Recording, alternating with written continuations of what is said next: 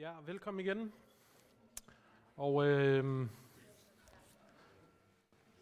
velkommen til dagligstuen. Jeg hedder Rasmus, og jeg er øh, ungdomspræst her i kirken, i Belekirken. Og øh, jeg er 36 år, og øhm, øh, jeg bor også her i kirken. Jeg bor oppe på anden sal i en øh, pedelbolig, portnerbolig. Så jeg er altid øh, tæt på øh, huset her. Og øh, du kan næsten altid komme ind, hvis du er i nærheden, eller ringer på over hos mig. Oh. Øh, øh, vi er midt i at gennemgå øh, det, som øh, hedder bjergprædiken, som står i Matteus evangeliet. Og øh, vi er i kapitel 7, og øh, jeg skal sige noget om vers 1-5, som øh, du måske har hørt før, så er det det her omkring at øh, se øh, en splint i øjet hos en, man kender, når man selv har en bjælke i øjet. Det er ikke en kæp i øret, det er en bjælke i øjet. Okay, vi skal læse teksten lige om lidt. Skal vi ikke lige øh, bede sammen først? Tak far i himlen, at du er en god Gud. Tak, at du vil os. Tak, at du er uendelig nådig, og din øh, godhed, den varer til evig tid. Tak fordi, at du ikke er en streng Gud, du er ikke en ond Gud, men du er en god Gud. Tak fordi vi må forstå din godhed, og vi må forstå, hvem du er. Det beder om i Jesu navn. Amen. Amen. Ja. Så øh, skal I se her. I øh, 2009, der blev jeg øh, kok, dimitteret som kok på kokkeskolen. På armen har jeg en øh, lækker dulle. Ikke øh, svigermor, der sidder og kigger mig op i øh, armhulen. Eller øh, pelikanen, som jeg kalder hende. Øh, ej, det går altid på. Men øh, det er en, øh, jeg var gift med på det tidspunkt. Det er faktisk stadigvæk øh, Malene, der står siden af der. Og øhm, jeg øhm, blev øh, kok, øh, uddannet kok i 2009. Og øhm, kokkeskolen, det var sådan meget, øh, det var faktisk meget fedt. Det var, øh, vi havde en, øh, en lærer, som hed Dennis. Dennis han havde sådan en rimelig stor kokkemave. Der var altid lidt sovs på skjorten fordi at øh, nede i, i lærerværelset, der havde de sådan en kæmpe buffet, som alle dem, der gik i skolepraktik, de lavede, og øh, han havde altid lidt sovs på skjorten, som man kunne altid se. Men øh, Dennis han var faktisk en rigtig fin fyr, og øh, jeg kan huske en øh, formiddag, der havde vi været i køkkenet. Man skifter mellem at have sådan nogle klassetimer og køkkentimer, så man lærer at lave øh, alle de rigtige danske retter, og så skal man også høre noget om hygiejne og alle mulige ting, så skal man ind i klasselokalet. Og øh, så har vi haft Øh, så har vi været i køkkenet om formiddagen, og øh, fyre rundt og lave retter og skulle aflevere og sådan noget. Og øh, det minder sådan lidt om Masterchef, hvor man skal aflevere til et bestemt tidspunkt, når man bliver vurderet og sådan noget. Så får man en karakter for det. Og så øh, på vej fra køkkenet, så gik jeg lige igennem kantinen, det gør jeg tit, og så tog man sådan en uh, slush ice med, og så sådan en Fanta Exotic til lige at fylde op, når man havde drukket al saften i sin slush ice. Og øh, det var sund kost. Jeg har så ikke taget skade af det. Det er så meget godt.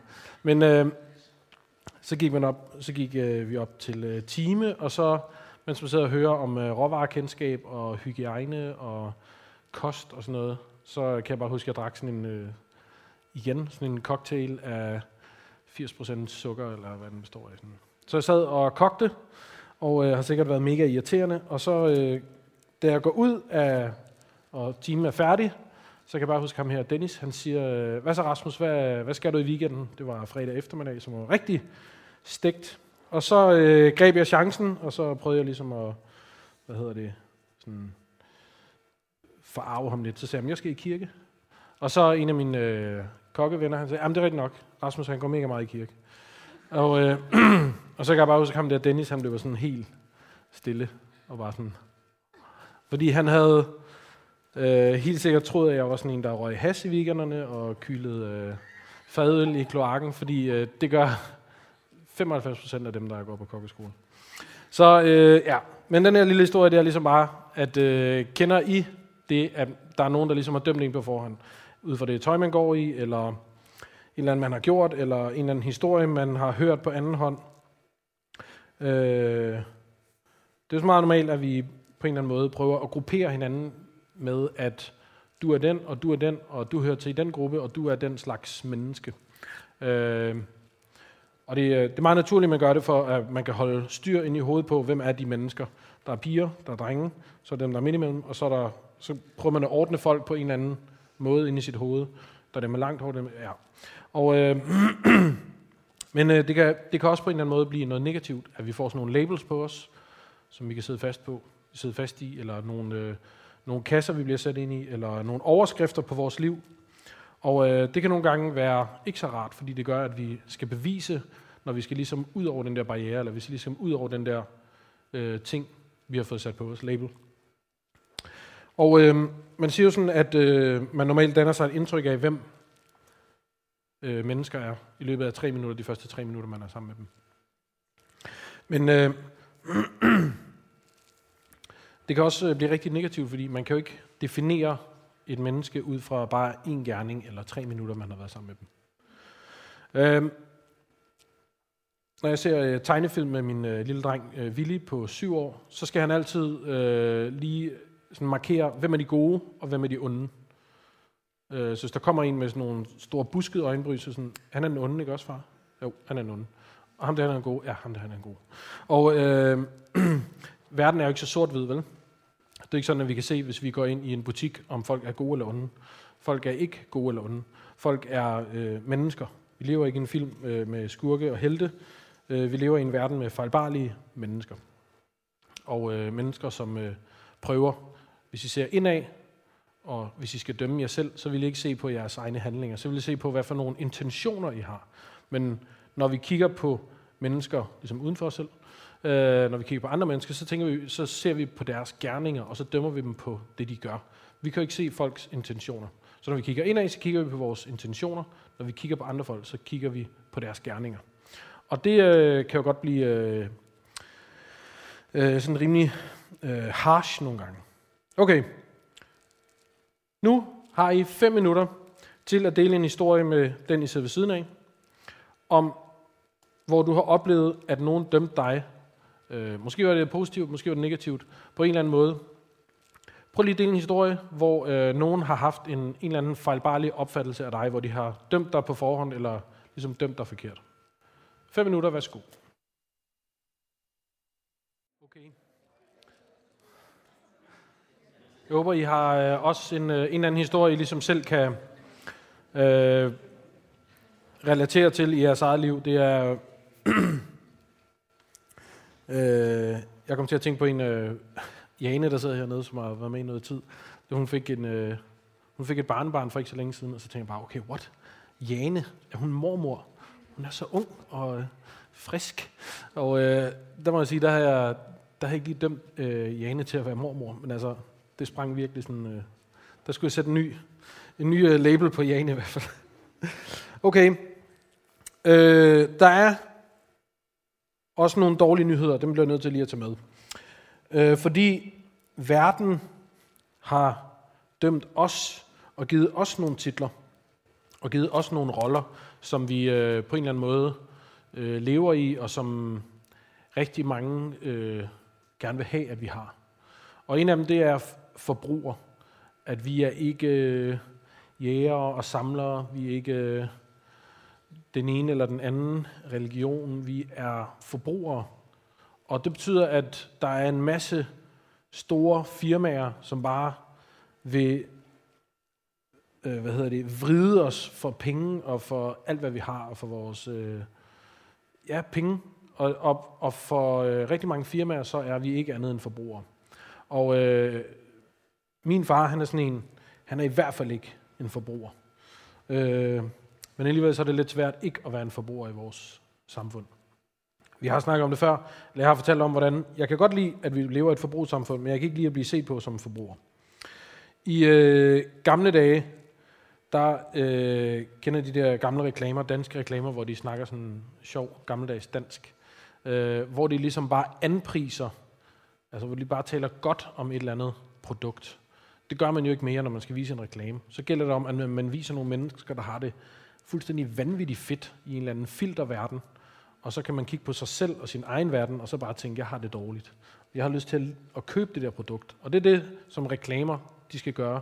De skal sørge for, at vi har det dårligt, så vi får lyst til at købe det der produkt. Det er fuldstændig lige meget, hvad det er for et produkt. Vi skal bare sådan bruge vores penge til det. Okay, så øh, ja, ligesom Gud, så ved øh, de store firmaer også alt om os, vores vaner og lyster, og øh, har segmenteret os. Og øh, der er også nogle andre, som ligesom har sat den der label på os, at vi er klienter.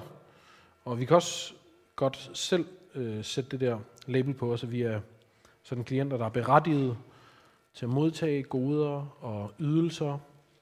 Og øh, det kan godt gøre, at vi sådan er stigmatiseret, altså vi sådan er fastholdt i at have den der, jamen øh, jeg har ret til at få den her ydelse. Jeg har ret til at bare være en, der modtager, i stedet for at være en, som, ja, hvad er egentlig, hvad er egentlig det modsatte af det. Øh, det kommer lige tilbage til om lidt. Øh, vi bruger også rigtig meget det her med at dømme andre i, øh, i vores verden. Vi underholder os med det. Ikke så meget i X-faktor, det kan man godt sige, det er sådan mere at bedømme. Men i, øh, skal vi lige se her, i sådan nogle programmer her, hvor vi ser nogen, der er rigtig dårlige til at passe på deres økonomi, sådan noget luksusfælden, hvor vi sidder og tænker, dem der, de er i hvert fald ude. De kan i hvert fald ikke finde ud af at bruge deres penge. Dem har man det rigtig godt med at dømme med. Øh, dømme, de er dårlige. Eller også nogen som øh, hvad hedder hun, Malou Stella, de unge mødre. Hun er i hvert fald en dårlig mor. Det kan vi i hvert fald sige. Og øh, det kan man godt have det sådan lidt godt med, og vi kan godt bruge det som underholdning. Og øh, jeg ved ikke, hvordan du vil have det, hvis der er nogen, hvis ham der Kåre Sand, som kører de der programmer der, hvis han kom ind og klippede 10 minutter af dit liv sammen, hvor du ligger på sofaen og spiser slik, øh, så vil man også ligne et rigtig dårligt menneske. Ikke? Øh, som om, at de der programmer der, de viser, hvem menneskerne i virkeligheden er. Som om, at deres handlinger eller deres øh, allerdårligste sider ligesom definerer, hvem de er, eller kan vise, det er sådan, du er. Du er sådan en, der er rigtig dårlig til at passe på penge, og så resten af dit liv, det er ligesom også derefter. Øhm. Ja. Så lad os lige prøve at gå over i øh, teksten her. Det er Matteus evangeliet, og det er vers det er kapitel 7, vers 1-5. Og der står sådan her. Døm ikke, for at I ikke selv skal dømmes. For den dom, I dømmer med, skal I selv dømmes med. Og det mål, I måler med, skal I selv få tildelt, tilmålt med. Og så det sidste her. Hvorfor ser du splinten i din broders øje, men lægger ikke mærke til bjælken i dit eget øje? Eller hvordan kan du sige til din broder, lad mig tage splinten ud af dit øje, og så er der en bjælke i dit eget øje? Hygler. Tag først bjælken ud af dit eget øje, så kan du se klart nok til at tage splinten ud af din broders øje. Ja. Så noget, vi lige skal have på plads, det er sådan definitionerne på, hvad vil det sige, at dømme eller bedømme. Fordi der er sådan lidt en forskel. Og direkte ud af ordbogen, så handler dømme om, at nogen dømmer nogen som forbryder, eller nogen dømmer nogen til noget, for eksempel til straf.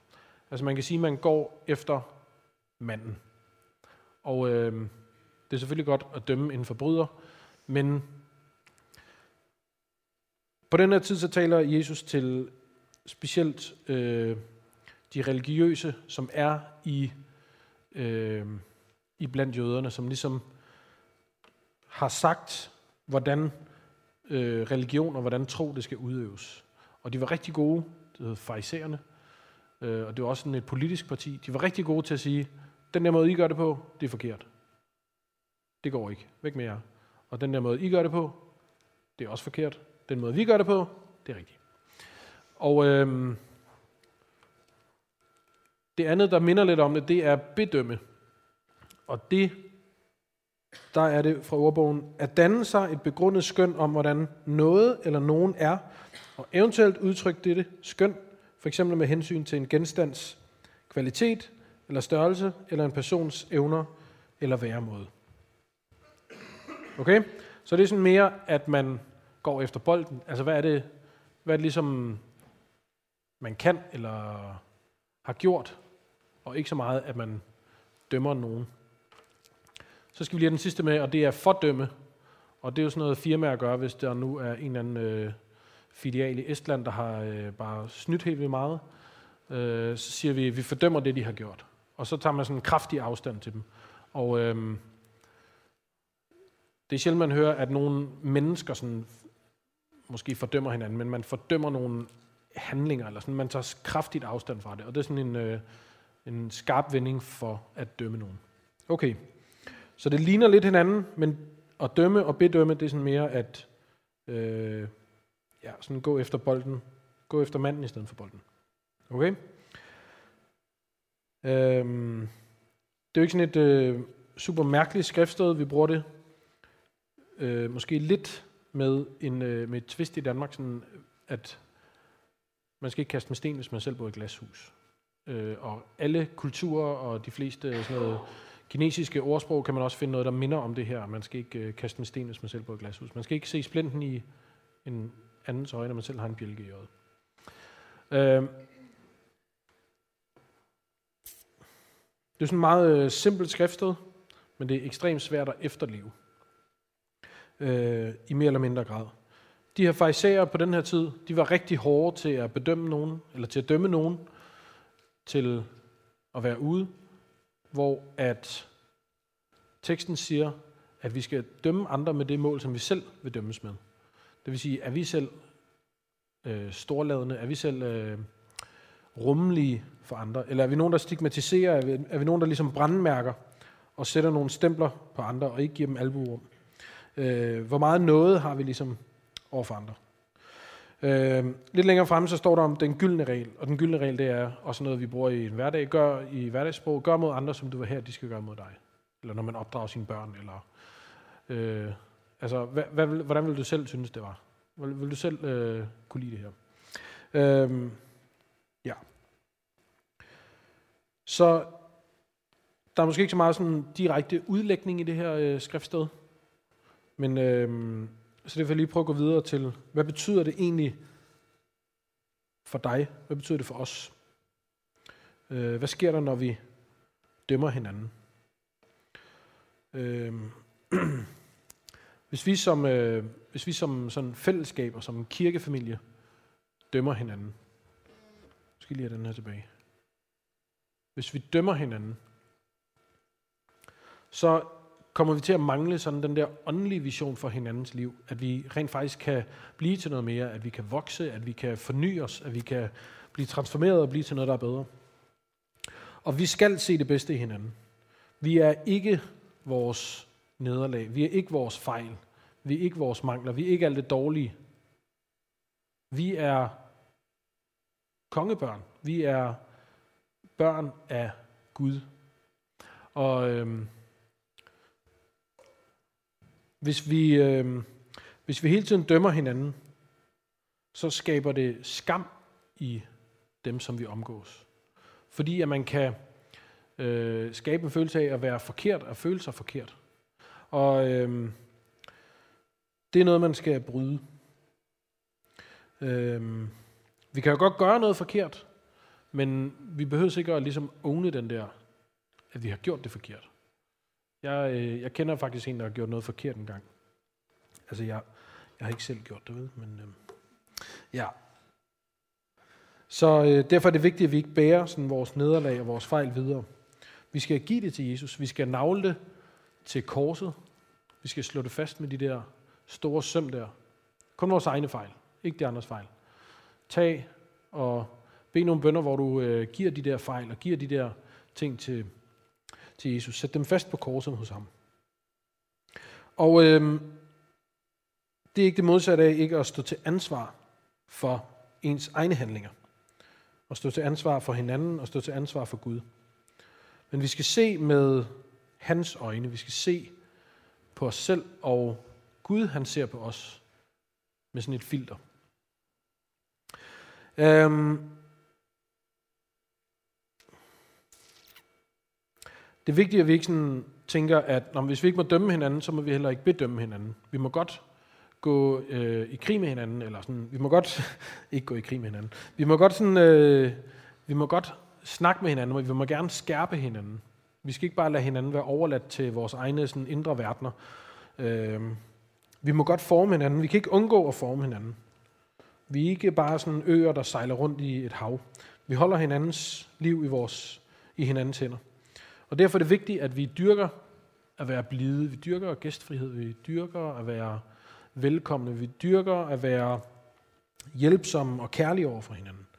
Og øh, der står i Bibelen, at vi skal ikke så meget som sige fjols til hinanden, men vi skal ære hinanden, og vi skal kappes om at være hinandens tjenere, og vi skal være uangribelige i næste kærlighed. Og det er jo sådan lidt øh, svært. For i hedder det, en måneds tid siden eller sådan noget, og fredag aften hjemme hos os herop, så spiser vi øh, burger, og så spiser vi blandt selv når der er Disney Show. Og øh, klokken øh, kvart i seks eller sådan noget. Vi spiser altid klokken 6. Malene, hun er meget jysk, spiser klokken 6. Og øh, klokken kvart i seks, så ringer det på nede på dørtelefonen. Og så var sådan, what? Hvem er det? Fredag aften klokken 6. Og så øh, tager jeg dørtelefonen og så sådan, hallo? Og så er det en eller anden mand, der bare taler mega øh, svensk. Og så, øh, ja, meget mærkeligt. Og øh, jeg bosser ham selvfølgelig ikke ned, men jeg går ned, og så øh, åbner døren sådan lige så stille, fordi det kan være hvem som helst. Og så øh, er det en mand, øh, som er en meget mærkelig mand. Og han øh, spørger, om øh, han kan få lov til at tale med præsten, og så sådan, Øh, det kan du altså ikke, han bor, øh, han bor langt væk. og øh, jamen, han var, øh, han ville gerne lige ind og, øh, og øh, snakke med mig. Så jeg lader ham komme ind, og så øh, øh, fortæller han bare den ene løgn efter den anden, kan jeg bare høre. Altså min bullshit-alarm, den går bare helt, helt amok. Og øh, han fortæller, at han øh, har arvet øh, en masse penge efter øh, Sveriges 12. rigeste mand, og øh, han har boet i USA i meget lang tid, og nu er han kommet tilbage. Han er blevet rullet ned i Spanien, og han har været fire dage om at komme op igennem øh, Europa, og øh, ja, sådan, har du ikke nogen kreditkort, har du ikke en telefon, har du ikke nogen, du kan, altså, nej, men det havde han ikke, og han blev nødt til at sove her, og, øh, og jeg var sådan lidt, jeg gik op og snakkede med Malene, så var sådan lidt, der står så en mand dernede. Har I hørt den her podcast om, manden, om dame med den tunge kuffert? Det var det var manden med den tunge kuffert. Han øh, virker som om, han bare øh, rejst rundt og ligesom øh, var sådan et lykkerider på en eller anden måde. Og øh, jeg siger, jeg snakker med ham, og så siger du kan godt, øh, du kan godt sove her. Og mens han sad herinde, så gik jeg rundt og låste alle dørene her i kirken, så øh, der ikke var noget, der skulle blive stjålet. Og så sagde jeg, du må sove en nat, og øh, så i morgen, der skal du være ude. Ah, men det var fint nok, og øh, ja, han fortalte nogle flere løgne. Og jeg var sådan, ah, Malene, jeg ved, han lyver, men øh, der må være en grund til, at han lyver. Og øh, næste morgen, du ved, når folk de siger, jeg har masser af humor, så ved man bare, at de ikke har noget humor. Ikke? Men han siger så, alle de der historier, jeg fortalte, det er altså rigtigt nok. Og så ved man bare, okay, de der historier, du fortalte, det er bare mega løgn. øhm, så øh, hvad gør du, hvis du oplever sådan en? Er, du så også, øh, er, er vi så også gode nok til at øh, være store nok til at rumme sådan nogle, som man ved lyver over for en, uden at dømme dem? Øh, er vi gode nok til at give mennesker omkring os plads, selvom de skuffer os? Jeg siger ikke, at man skal bare lade sig trampe på. Selvfølgelig skal man trække en grænse. Jeg gik rundt og låste alle dørene. Jeg sagde, klokken 7 i morgen, der skal du være ude. Øh, så han ikke bare sådan blev hængende resten af ugen. Fordi om morgenen, da jeg skulle smide ham ud, ikke, så var han sådan, øh, kan jeg lige få lov at blive her bare en time mere, og øh, så måske hvis jeg bare lige kan få lidt at spise, og så prøver du skal bare ud. Okay, så jeg siger ikke, at I skal bare lade jer trampe på, men sæt en grænse. Men er vi gode nok til det? Er vi gode nok til ligesom at, øh, at give folk plads? Øh,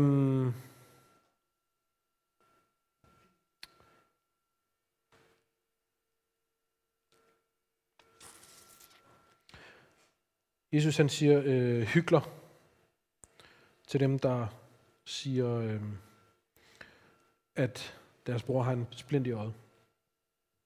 Og jeg tror også, at vi kan ikke sidde i sådan et fællesskab her som dagligstuen i Bibelkirken, uden selv at øh, gå ind i fællesskabet.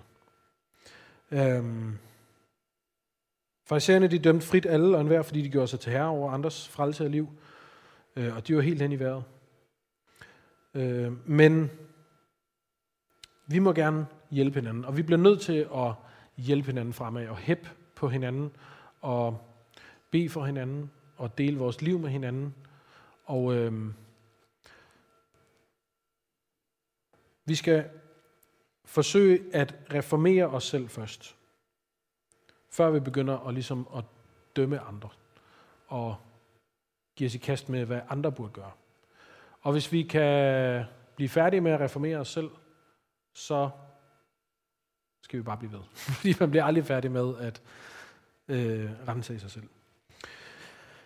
Vi skal bare passe på, at det ikke bliver sådan noget blind, øh, leder blind.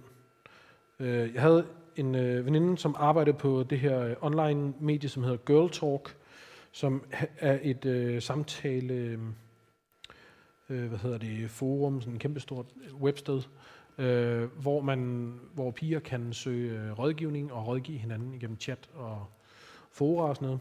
Og hun sagde, hun var, sådan en, øh, hun var bestyrer af nogle af foraerne og skulle ligesom prøve at holde øh, styr på det. Og så sagde hun, det er meget sjovt, at der er faktisk nogen, som øh, man kan se, at de er meget aktive i den her gruppe omkring øh, kærestevold og øh, vold, at de faktisk er udsat for vold, og øh, de kan ikke finde ud af at forlade deres kæreste, men øh, de kan rigtig godt finde ud af at rådgive nogen, der har sådan en spiseforstyrrelse, og tale rigtig godt til dem og hjælpe dem. Så selvom de ikke har styr på deres eget liv, så kan de godt finde ud af at rådgive nogle andre. Og øh, det tror jeg også godt, vi kan lære noget af, at vi skal ikke sådan bare sige, nej, jeg har ikke styr på mit liv, så jeg kan ikke hjælpe nogen andre. Det kan godt være, at vi sejler på et område, men det kan også godt være, at vi kan hjælpe nogen på et andet område, som vi måske har styr på. Så på den måde, så kan vi godt hjælpe hinanden. Men lad være med at hjælpe nogen på det område, hvor du selv er dårlig. Få styr på det område først. Okay. Øh, så vi kan opstille de her fire regler. Det er ikke nogen, jeg har fundet på, jeg har sådan set bare oversat dem. Øh, fire sådan meget simple regler, som vi kan prøve at leve efter. Døm ikke en anden, medmindre det er din pligt. Okay? Så hvis der er et eller andet, hvor det er din pligt, så kan du gøre det der. Og døm så vidt muligt gerningen og ikke gerningsmanden. Det giver også god mening. Begræns din dom til det jordiske, og lad Gud dømme hjertet. Og så den sidste, døm aldrig uden at tænke på din egen synd, uvidenhed og svaghed, som formidlende omstændighed for andres syndighed. Okay? Så det er sådan meget firkantet sagt, øh, de her regler. Øh, problemet med, at det, det geniale genialt ved, at Jesus han siger, at øh, Jesus stiller aldrig nogen regler op, han stiller principper op. Og det øh, gør, at vi bliver øh, tvunget til at reflektere og tænke over, hvad er det egentlig, vi gør? Hvad er det, vi tænker om andre? Og hvad er det, vi øh, ligesom gør med vores liv? Fordi hvis han bare stillede regler op, så ville det betyde, at vi bare skulle udfylde de regler og bare leve op til de regler, og så vil det være nok. Men når han stiller principper op og siger, mål andre med det mål, som du selv vil måles med, så bliver vi nødt til at tænke over vores eget liv først, for vi begynder at gå i kast med nogen andres liv. Og øh, det gør, at vi bliver tvunget fra lovens bogstav, altså det helt firkantede regelsæt, over i lovens ånd. Hvad er det egentlig, der ligger bag ved de her love? Og det, der ligger igennem hele øh, bjergprædiken, det er, at vi skal elske vores næste, ligesom vi elsker os selv. Og det er, det er sådan essensen i det, som Jesus han siger i de her kapitler. Vi skal elske jeres næste, som I elsker jer selv. Okay, nu har jeg fået de her regler. Nu får jeg lige øh, fire minutter til at snakke om, er der noget, du skal lave om i dit liv. Og øh, hvis du sidder sammen med en, du tør, og være ærlig overfor, så vær lige det. Okay? Fire minutter. Værsgo.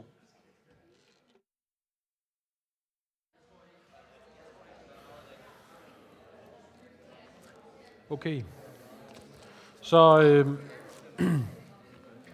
det, der er vigtigt med det, jeg taler om i aften her, specielt her, det her spørgsmål, det er, at øh, lige præcis det her, hvis der er noget i jeres refleksion, I tænker, det her det, det skal jeg lave om på, så er det jo ikke nok bare at sige, øh, det vil jeg gerne lave om. Det bliver ting jo ikke lavet om af. Øh, der er cirka 40% chance for, at man laver noget om. Hvis man for eksempel fortæller det til nogle venner, og man fortæller det for eksempel til dem, man er i en cellegruppe med. Og det er derfor, det er så mega vigtigt at være i en cellegruppe, fordi at det er et mega godt værktøj til at udvikle sin tro og udvikle sig selv. Og øh, har du ikke en cellegruppe, så øh, kom og snak med mig, så skal vi nok finde en cellegruppe til dig. Det er mega vigtigt at være en del af sådan et lille nært fællesskab, som øh, man kan stå til ansvar for de øh, beslutninger, som man tager, for eksempel i forhold til tro. Og øh, hvis du har oplevet, der er noget, som du skal lave om på, så, så, øh, så tag det med i din cellegruppe og øh, snak med dem om det, og fortæl dem, hvad det er, du har tænkt dig at lave om. Så er der meget større chance for, at du rent faktisk kan ændre på det, som du gerne vil ændre på. I øh, USA, der sidder der jo øh, en masse meksikanske bandemedlemmer i øh, fængslerne, og øh, de har sådan nogle øh, gigantiske bander, som øh, kører videre, både inden og uden for fængslet, og de øh, styrer hele den kriminelle underverden. Jeg ved ikke, om jeg har sådan nogle programmer. Det er meget fascinerende, men også meget skræmmende.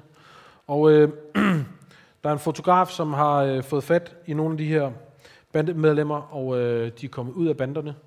Og, øh, og nogle af dem er også stadig inde i banderne. Og så har han fået lov til at tage billeder af deres tatoveringer.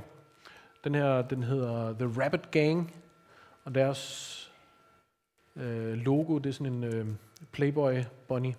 Ham har han altså tatoveret øh, i hele hovedet. Og øh, det som den her fotograf han gør, det er, at han øh, tager billeder af dem med deres tatoveringer på, og så går han hjem, og så photoshopper han alle deres tatoveringer væk. Og så kommer han tilbage i øh, fængslet, eller det der sted, hvor de sidder. Og så viser han dem de her billeder.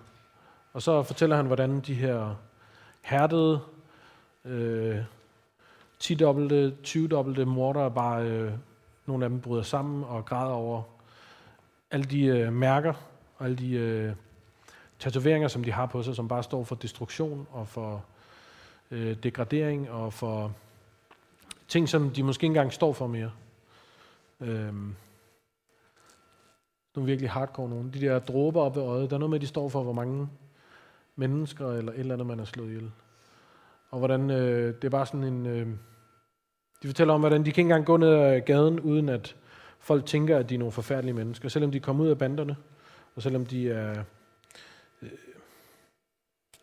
selvom de er, har lagt øh, gamle liv bag sig, så, så bærer de stadig på de der stempler, de bærer stadig på den der stigmatisering om, at de har været med i bander. Og øh, nogle af dem er også bare sådan, når de ser de der billeder af sig selv, så det, bliver de bare helt stille og tænker over, hvor meget tid de har spildt ved at sidde i fængsel, og hvor meget øh, de fortryder, at de har tabt al den tid med de børn, som sidder uden for fængslet, og som de burde være far eller hende her mor for. Øh, nogle af dem har tilbragt tid i fængslet, siden de var 8, 8 år, og så øh, op igennem deres liv. Ja. Så det her, det minder meget om den måde, som Gud han ser på os.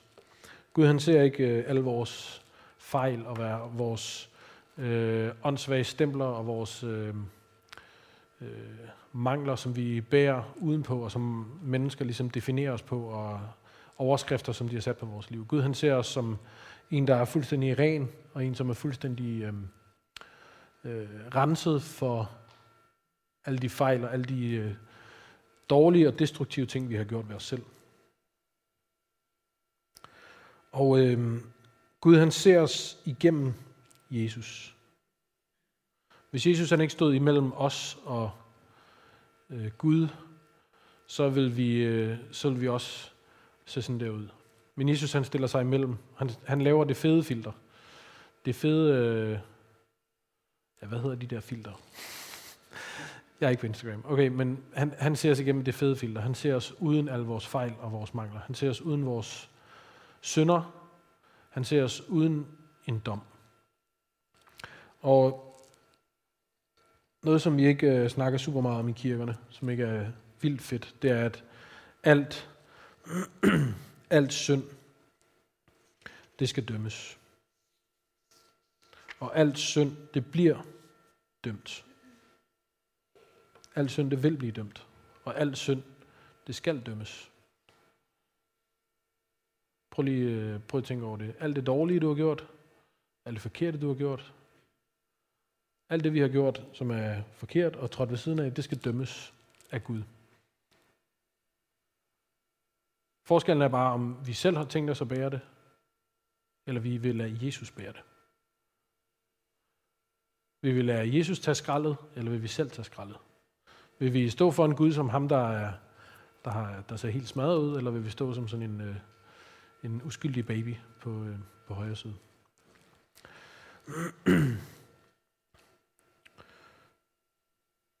I, øh, I salme 103, der står der sådan her. Herren er barmhjertig og nådig. Han er sen til vrede og rig på troskab. Han anklager ikke for evigt. Han vredes ikke for altid. Han gengælder os ikke vores synder. Og lønner os ikke efter vores skyld. Og det her, det gælder for dem, som er, øh, som er Guds børn, som har valgt Jesus til, som har valgt at blive set af Gud igennem Jesus. Det er altså virkelig fedt. Det synes jeg. At Gud, han er ikke en vred Gud. Gud, han er en, som er... Han gengælder ikke, og han lønner os ikke efter vores skyld. Men øh, jeg tror bare rigtig mange gange, så kan vi tænke, at Gud han er en, som har lyst til at slå os oven i hovedet. Han er en, som har lyst til, at, at vi skal opleve dårlige ting. Han har lyst til at straffe os med sygdom. Han har lyst til at straffe os med øh, dårlige øh, oplevelser. Men det her, det vidner om det, som står i Guds eget ord. Det, som øh, ham, der har skrevet den her salme, om det er David eller hvem det er. At Herren, han er barmhjertig, og han er nådig. Han er ikke en, der holder på sin vrede, men han er rig på troskab over for os. Er det ikke fedt? Hvis vi... Øh, det, det er det samme, som David snakkede om i sidste uge. Øh, Jakob. David? Nå, hans bror hedder Jakob. At det her, det er Guds karakter. Og når Gud han er en nådig Gud, og når, når Gud han er en tro Gud, og når Gud han er en god Gud, hvad betyder det så for vores liv? Hvad betyder det så for de ting, som vi tror om Gud? Hvad afføder det i vores liv? Ja. Så det her, det er vores, øh, det er dagligstuens værdier, og det er også dagligstuens principper.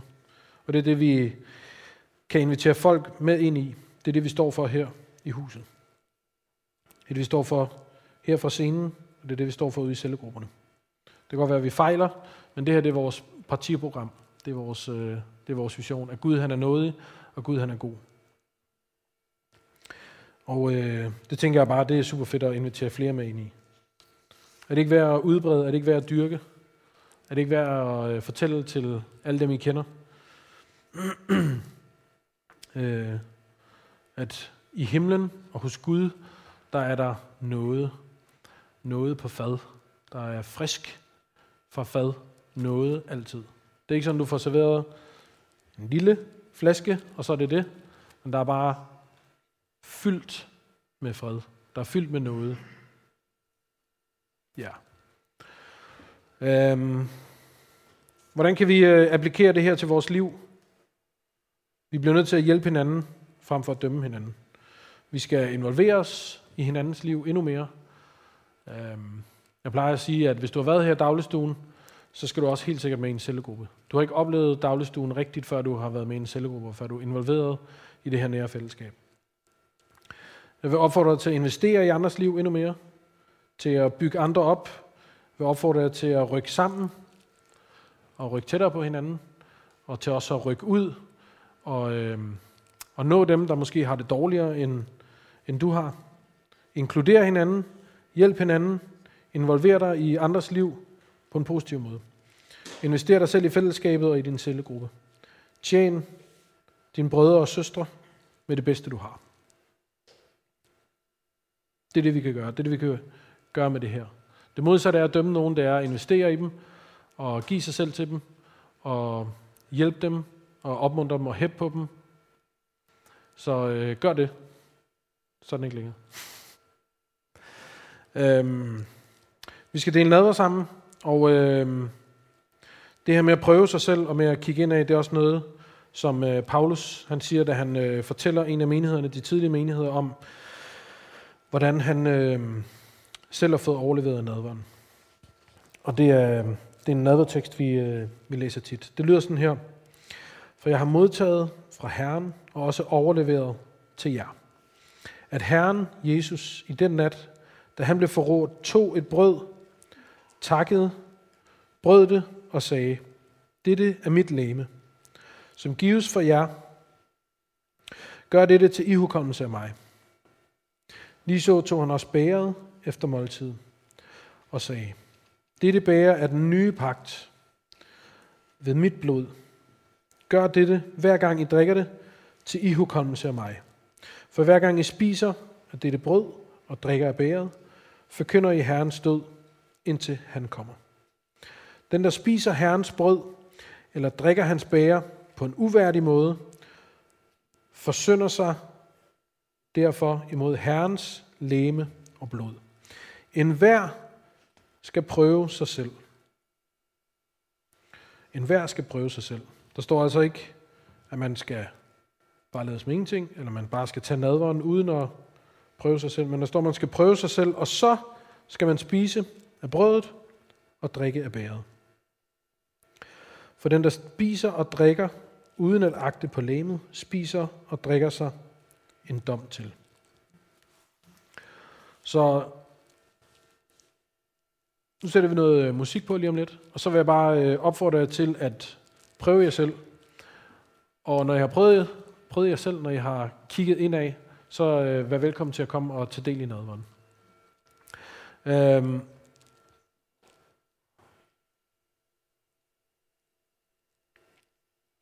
vi, øhm, vi har også øh, forbøn, øh, mens der er lovsang og mens der er nadver. Hernede øh, i hjørnet, der står jeg selv og Pernille, og vi vil gerne bede for dig. Hvis øh, du oplever, at der er nogen, der har sat et label på dig, som ikke passer, og som du har svært ved at bryde. Måske har du også sat et label på dig selv. Måske har du øh, sagt eller taget noget til dig, som andre har sagt over dit liv, eller stemplet dig med. Så vil jeg rigtig gerne bede for, at det ligesom må blive brudt, og at det ikke må være noget, der definerer dit liv mere. Så hvis du har et eller andet negativt, som øh, blokerer for dit liv, eller som øh, er med til at øh, pille dit øh, liv ned, så vil jeg rigtig gerne bede for dig, at du må blive sat fri for det. Vi tror på, at Gud han har kraft, og han er Gud, så derfor så vil han også tage det væk. Ja. Jeg beder lige en bøn. Tak far, fordi at vi kan få lov til at øh, tage del i dit måltid. Jeg beder for alle, som er her, og jeg beder for, at din ånd må lede dem, når vi går fra igen. Vær med, når vi deler liv, og når vi øh, mødes i cellegrupper. Vi beder om, at din ånd må være med og øh, vejlede os, og være den, som dømmer os. Hjælp os til at dømme hinanden. Hjælp os til at løfte hinanden op og være et fællesskab, som styrker hinanden og taler godt om hinanden og øh, hjælper hinanden fremad og investerer i hinanden. I Jesu navn. Amen. Amen.